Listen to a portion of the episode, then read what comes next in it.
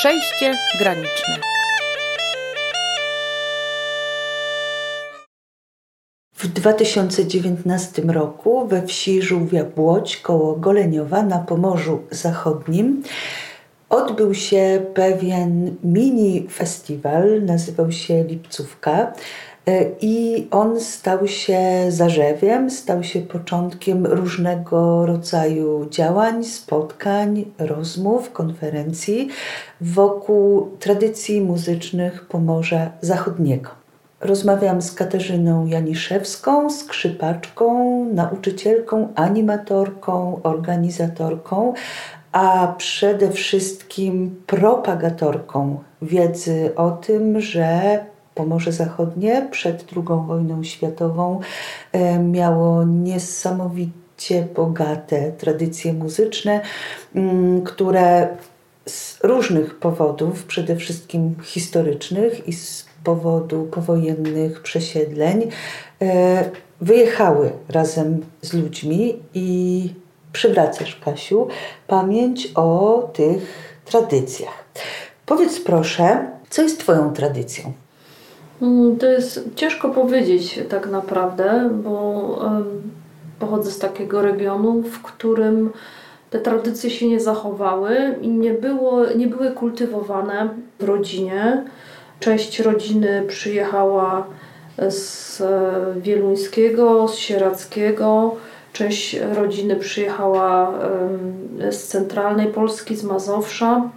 I u nas w domu nie było takiego typowego śpiewu, nie było y, kontynuowania tradycji muzycznych.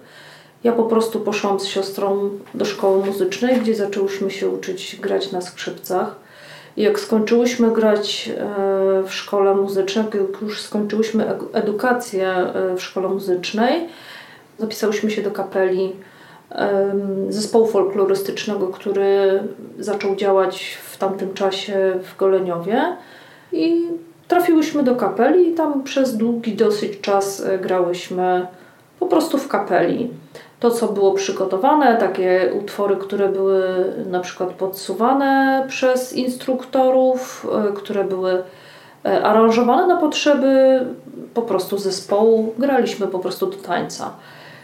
No ale w pewnym momencie pojawiła się taka potrzeba w nas, żeby wyjść poza ten schemat grania tylko do tańca, być tym tłem muzycznym do tancerzy i zaczęliśmy poszukiwać czegoś takiego wyjątkowego dla siebie. To też były dużym takim dla nas impulsem były warsztaty, które mieliśmy wtedy z e, Asią Słowińską i Jackiem Hałasem. To było ze 20 lat temu. Od tamtej pory oni nam też pokazali, że na tą muzykę można troszeczkę inaczej spojrzeć, nie w taki mm, sformalizowany sposób, że ona może dawać wiele radości z takiego tworzenia, z wytwarzania też takiego e, takiej energii między nami a słuchaczami wtedy jeszcze, bo e, to nie było takie granie do tańca spontanicznego.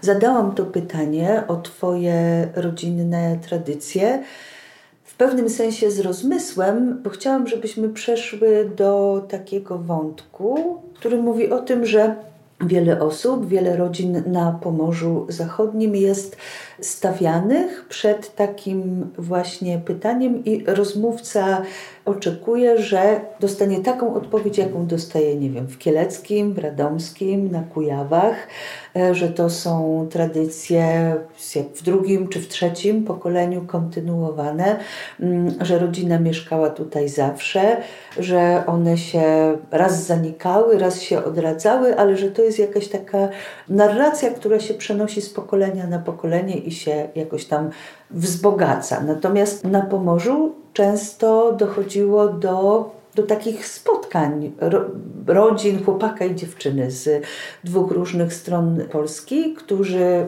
brali ślub, zakładali rodzinę e, i decydowali w pewnym sensie, co będzie zaczątkiem ich e, rodzinnego świata, jak będą obchodzili święta, mm, jakie kolendy będą śpiewali, jak, co będzie też ich takim muzycznym światem z wyboru.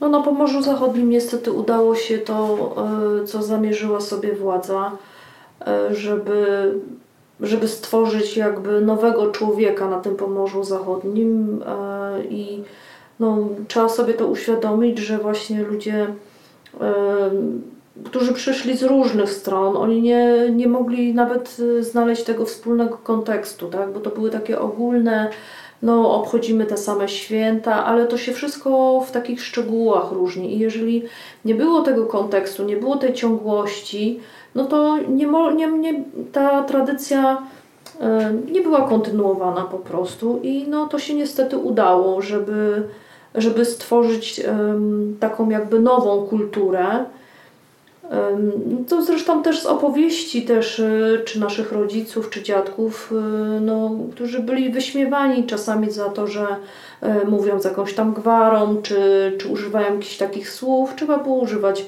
poprawnego języka polskiego, potańcówki, no jakieś tam na początku z tego, co ja się dowiadywałam od, swoich, od swojej mamy, no to E, to były jakieś potańcówki, ale wiadomo, że to potem już wszystko zostało uogólnione. I też różnie też ta e, kultura wyglądała w mieście, trochę inaczej to wyglądało też pewnie na wsi. Ja się wywodzę z miasta, więc też mi jest ciężko powiedzieć, jak to, jak to było zachowywane e, na wsiach. Tak to niestety wygląda i no, my, jeżeli się interesujemy tym, no to musimy naprawdę tam bardzo mocno y, zagłębiać się w tą tematykę i to są niemalże okruszki, które się gdzieś tam znajduje i albo idzie po nitce do jakiejś do jakiegoś większego kłębka, ale to są naprawdę drobne historie. Y, no i ciężko jest czasami na tym zbudować jakąś taką narrację, Chociaż moim zdaniem nie można powiedzieć tego, że, że nie ma żadnych tradycji, że to jest tak stuprocentowo, tylko to jest po prostu tak rozdrobnione. Zresztą tak jak jest z jakimiś grupami, które, które kontynuują muzykę tradycyjną, e, czy chcą kontynuować e, tą muzykę tradycyjną na Pomorzu Zachodnim, oni są dosyć rozproszeni. Nie ma takiego jednego skumulowanego też środowiska, jak to się dzieje E, na przykład w, w centralnej Polsce. No to są takie problemy, z którymi się borykamy. Jakoś sobie próbujemy z tym radzić. I też pokazać ludziom, że ta kultura, którą czasami oni pamiętają z domu, czasami gdzieś tam, jak zaczyna się rozmowę z kimś, to to wtedy jakaś osoba mówi, że no tak, u mnie to było tak, albo to u mnie wyglądało tak czy inaczej. I, I, gdzieś tam naprawdę trzeba to skrobać, żeby, żeby ta farba jednak odeszła i coś tam znaleźć w, w tych ludziach. Tylko to są bardzo jakieś takie drobne czasami rzeczy, ale uważam, że te rzeczy, nawet najdrobniejsze, waż, e, warto zachowywać bo one tworzą po prostu tożsamość, e, nawet każdej pojedynczej rodziny. Tak, ja mam wrażenie, że powiedziałam, gdyby to był jakiś taki mm, tekst literacki czy poetycki, to powiedziałabym, że właśnie te, te najdrobniejsze rzeczy tworzą sens w ogóle tej narracji. Mm, to, co działa w dowiadywaniu się od ludzi, ich historii i ich właśnie ważnych dla nich wątków, takich i muzycznych, i, e, i takich związanych z tradycją, to jest wrażliwość na szczegóły tej opowieści. To, co powiedziałeś, na jakieś takie malutkie fragmenty, które e, w tej swojej malutkości mówią o bardzo dużym fragmencie świata. Niezwykły jest dla mnie rozdźwięk pomiędzy tym, co często się mm, właśnie mówi tak bezrefleksyjnie o Pomorzu. No tak, tam, tam przecież nie ma żadnej tradycji, bo, to cytuję oczywiście teraz, bo no przecież tam jest zbieranina ludzi z różnych stron, no to, no to przecież nie mają nic wspólnego. To jest jakiś, jakiś taki no krzywdzący, mm, krzywdzący mit i jakieś beznadziejne w ogóle sformułowanie, nie? Ale trzeba sobie też zdawać sprawę z tego, że nawet ta zbieranina w takiej swojej podstawowej potrzebie chce tworzyć jedność. I to po prostu też, e, czy ta kultura tradycyjna, czy muzyka tradycyjna, ona ma taki bardzo ważny e, aspekt społeczny, bo to nawet nie chodzi o, o poziom wykonawstwa, jaki, mm, jaki reprezentują czy grupy, czy poszczególne osoby, e, czy, czy jakieś zespoły. To chodzi o to po prostu też, że mm, to jest wspaniałe narzędzie do tego, żeby budować e, społeczność.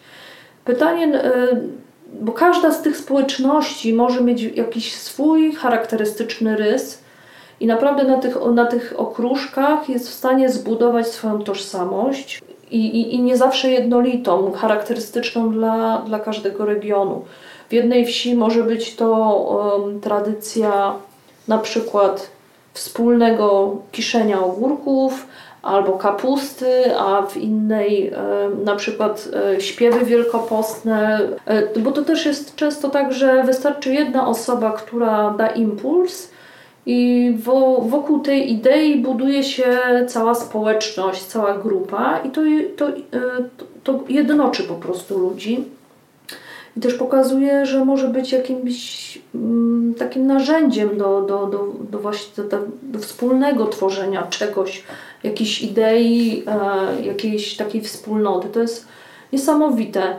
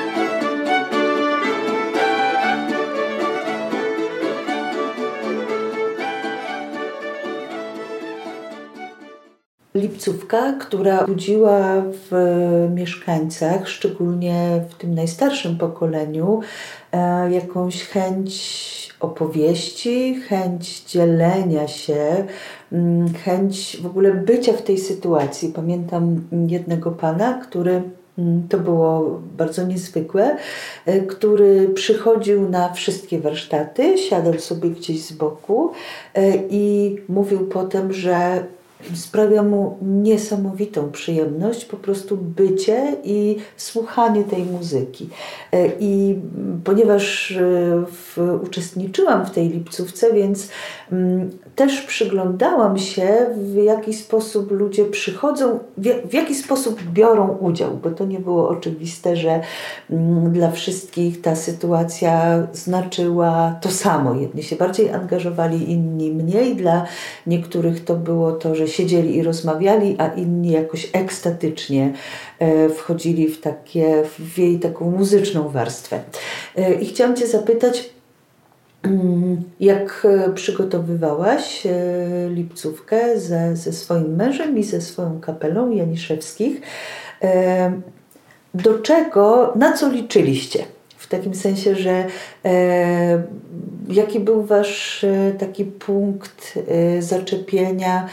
Mm, no dobra, no to zaproponujemy ludziom na przykład potańcówki wieczorne. No i e, o czym myśleliście, że co najfajniej, najlepiej byłoby zagrać na tej potańcówce, żeby ludzi wciągnąć do, do zabawy?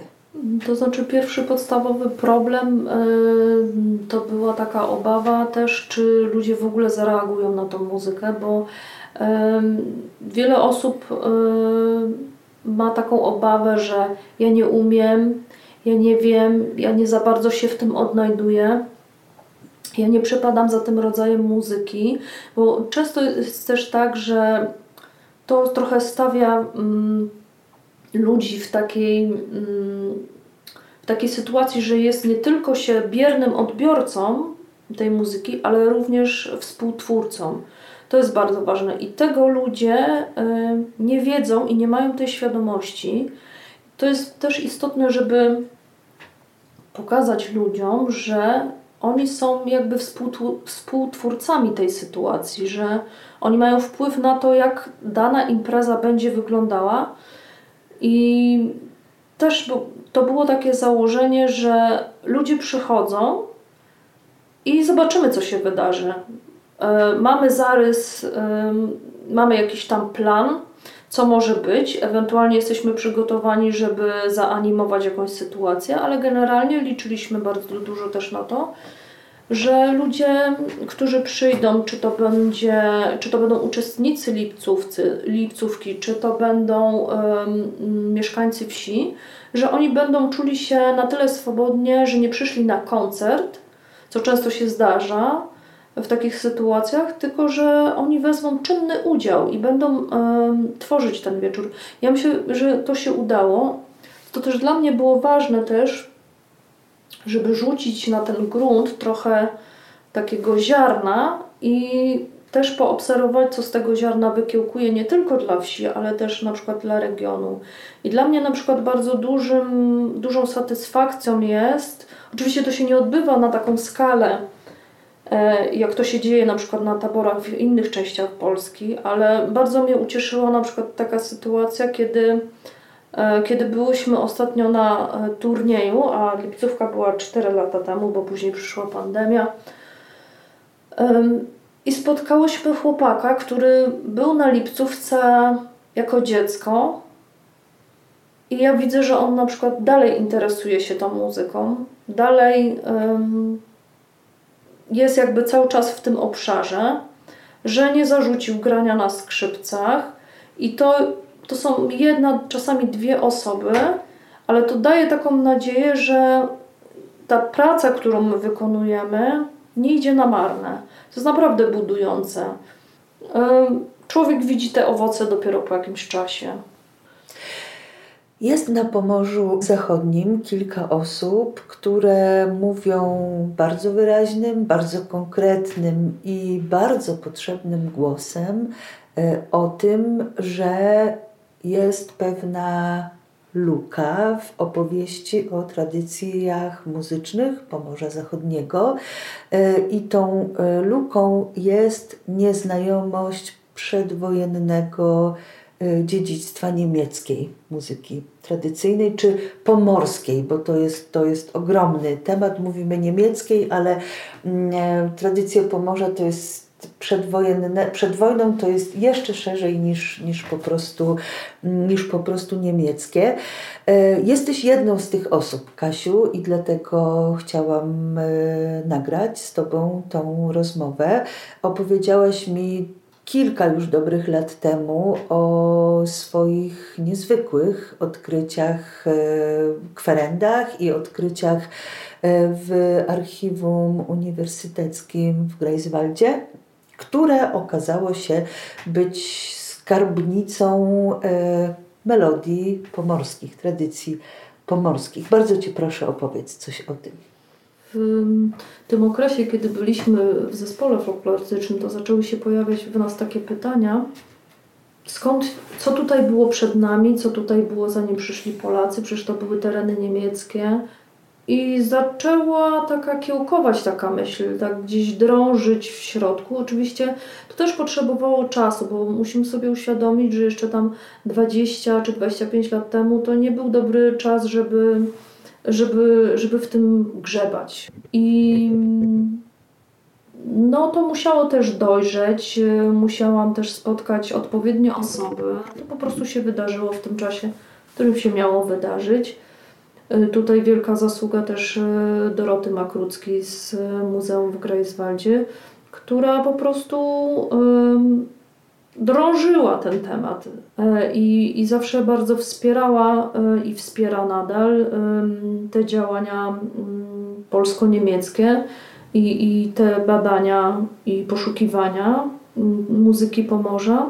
I to ona powiedziała, że w Greifswaldzie zostało przez przypadek kompletny odkryte archiwum takich ankiet, które były zbierane w latach 30. na Pomorzu wtedy jeszcze niemieckim.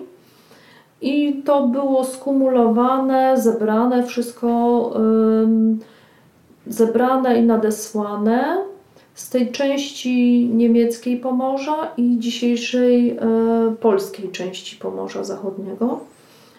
E, I okazało się, że tam jest wiele takich e, bardzo ciekawych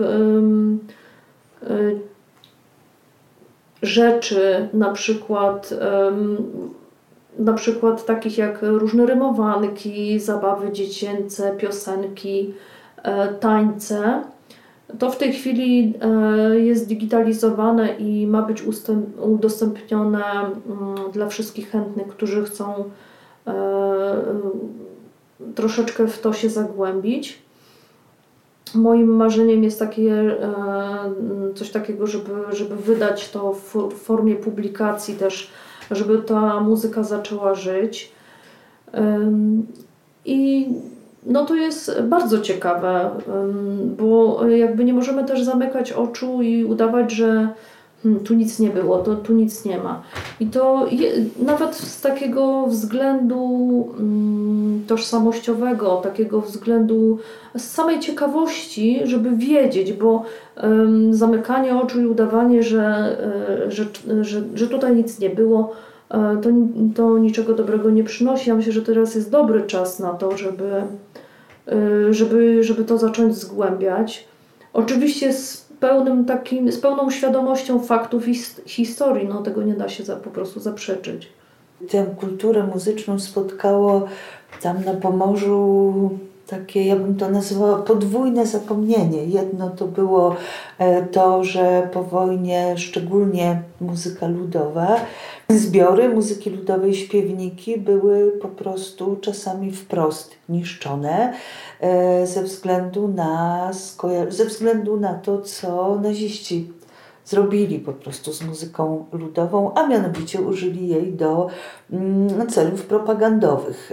I dlatego to było, no, nabierano po prostu wody w usta, że o wszystkim się mówiło, tylko nie o muzyce ludowej. No a drugie zapomnienie, no to jest właśnie takie, że przyjeżdżają na te tereny ludzie, którzy mówią innym językiem, którzy mm, mają in, inną muzykę, inną kulturę i e, do tej dawnej kultury w ogóle się nie odnoszą. Mam wrażenie, że, mm, że właśnie takie próby przypomnienia tamtej muzyki, sięganie e, do tej muzyki to jest e, coś więcej niż tylko e, ciekawość poznawcza, że to jest no, bardzo niesamowity gest. W kierunku dorobku iluś tam pokoleń ludzi, dla których ta muzyka była też wyrazem nie tylko tożsamości, ale wyrazem piękna, wyrazem ich talentu, tego, że po prostu tworzyli coś pięknego. Jaka to jest muzyka, jakie to są melodie.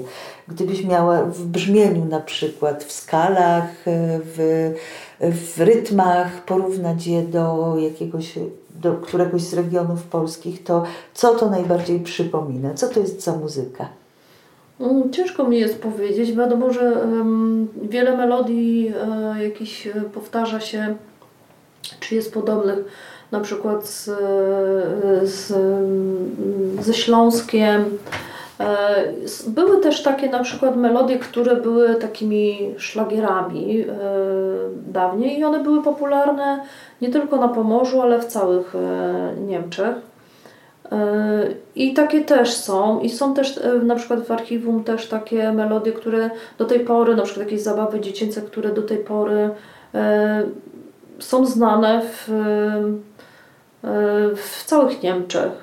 Więc to nie jest też tak, że,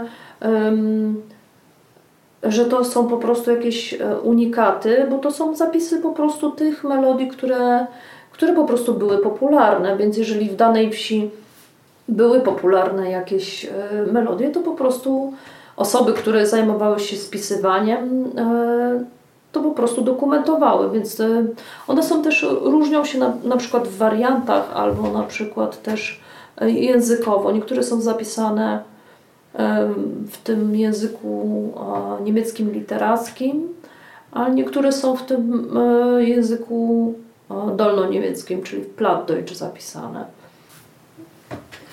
E, ty pochodzisz z Goleniowa. Czy znalazłaś w tym archiwum jakąś melodię, która jest z miejsca, gdzie się urodziłaś, a tylko 90 lat wcześniej? Um, czy melody konkretnie to nie? Na pewno była rymowanka jakaś, e, która to pamiętam, że była rymowanka z Goleniowa. Natomiast um, um, jest kilka melodii, które były e, z miejscowości, która się nazywa Rurka, leży parę kilometrów od Goleniowa i tam stamtąd jest jakaś książeczka, e, była jakaś książeczka e, napisana prawdopodobnie, czy spisana przez jakiegoś organistę i zbiór tańców właśnie był, w, różnych tańców był, pochodził właśnie z tej, z tej miejscowości. No i jestem ciekawa też, y, y, cały czas czekam, aż to archiwum zostanie uzupełnione i udostępnione, bo to jest bardzo ciekawy temat. To jest coś takiego, coś takiego na co ja liczę, że, że tam znajdę i czego szukam żeby też pokazać, że coś takiego było. Zresztą w, w ogóle w regionie jest wiele takich inicjatyw, nie, niekoniecznie muzycznych, gdzie ludzie dokumentują historię nie tylko tą pols polską powojenną, ale też wcześniejszą.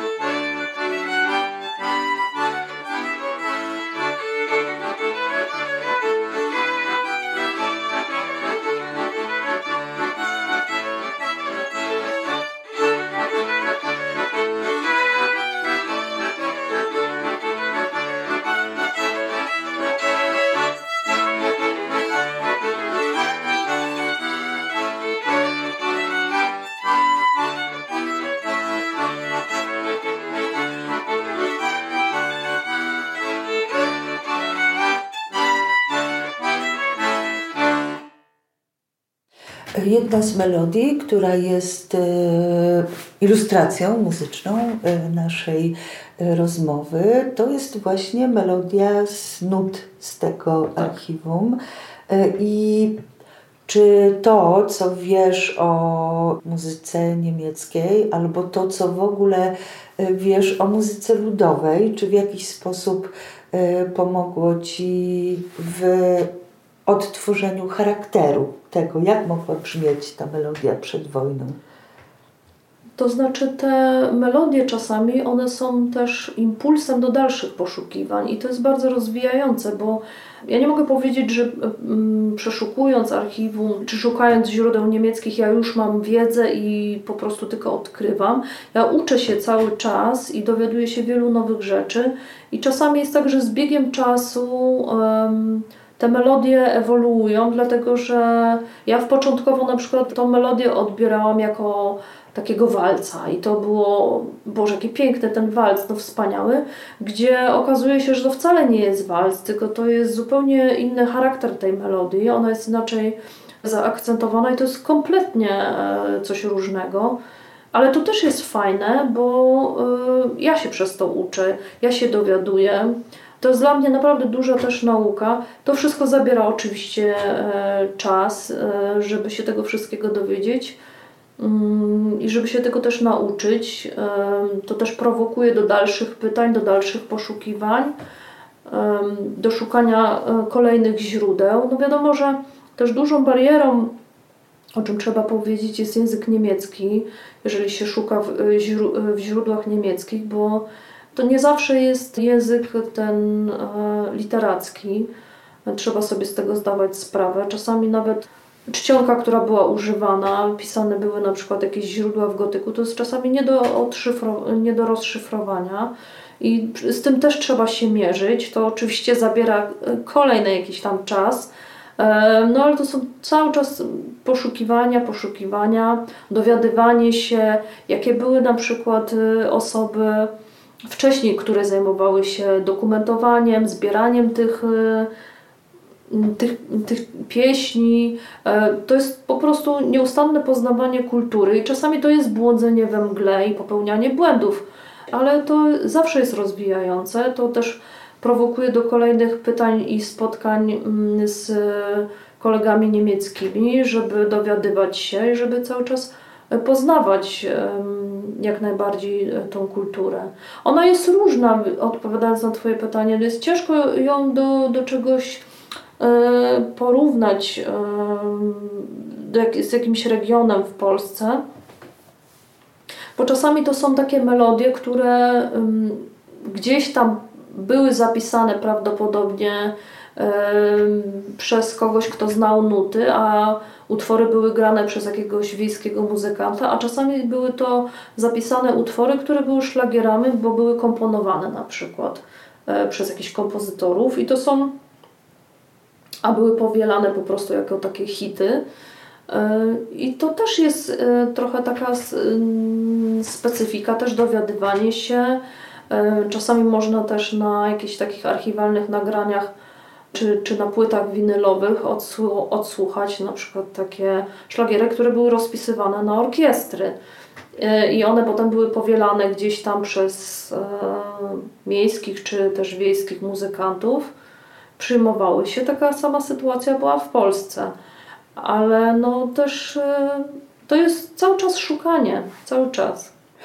No właśnie, jeśli chodzi o źródła dotyczące y, muzyki niemieckiej z Pomorza, y, my jesteśmy przyzwyczajeni i powiedziałabym, że nawet rozpieszczeni, mam na myśli tutaj nas w Polsce, dostępnością sporej ilości bo coraz nowe są odsłaniane, digitalizowane, udostępniane do naprawdę dużej ilości nagrań archiwalnych, które dają nam wgląd do tego, jak e, ta muzyka brzmiała jakiegoś regionu na przykład w, przed wojną, jak w ogóle mogła brzmieć, jak mogła być wykonywana w ogóle na przełomie XIX i XX wieku. E, jak jest z dostępnością takich nagrań, jeśli chodzi o muzykę niemiecką?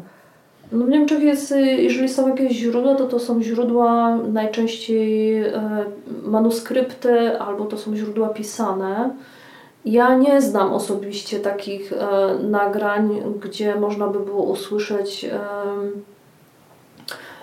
muzyków, którzy to, muzykantów, można tak nawet powiedzieć, muzykantów, którzy by grali tą muzykę.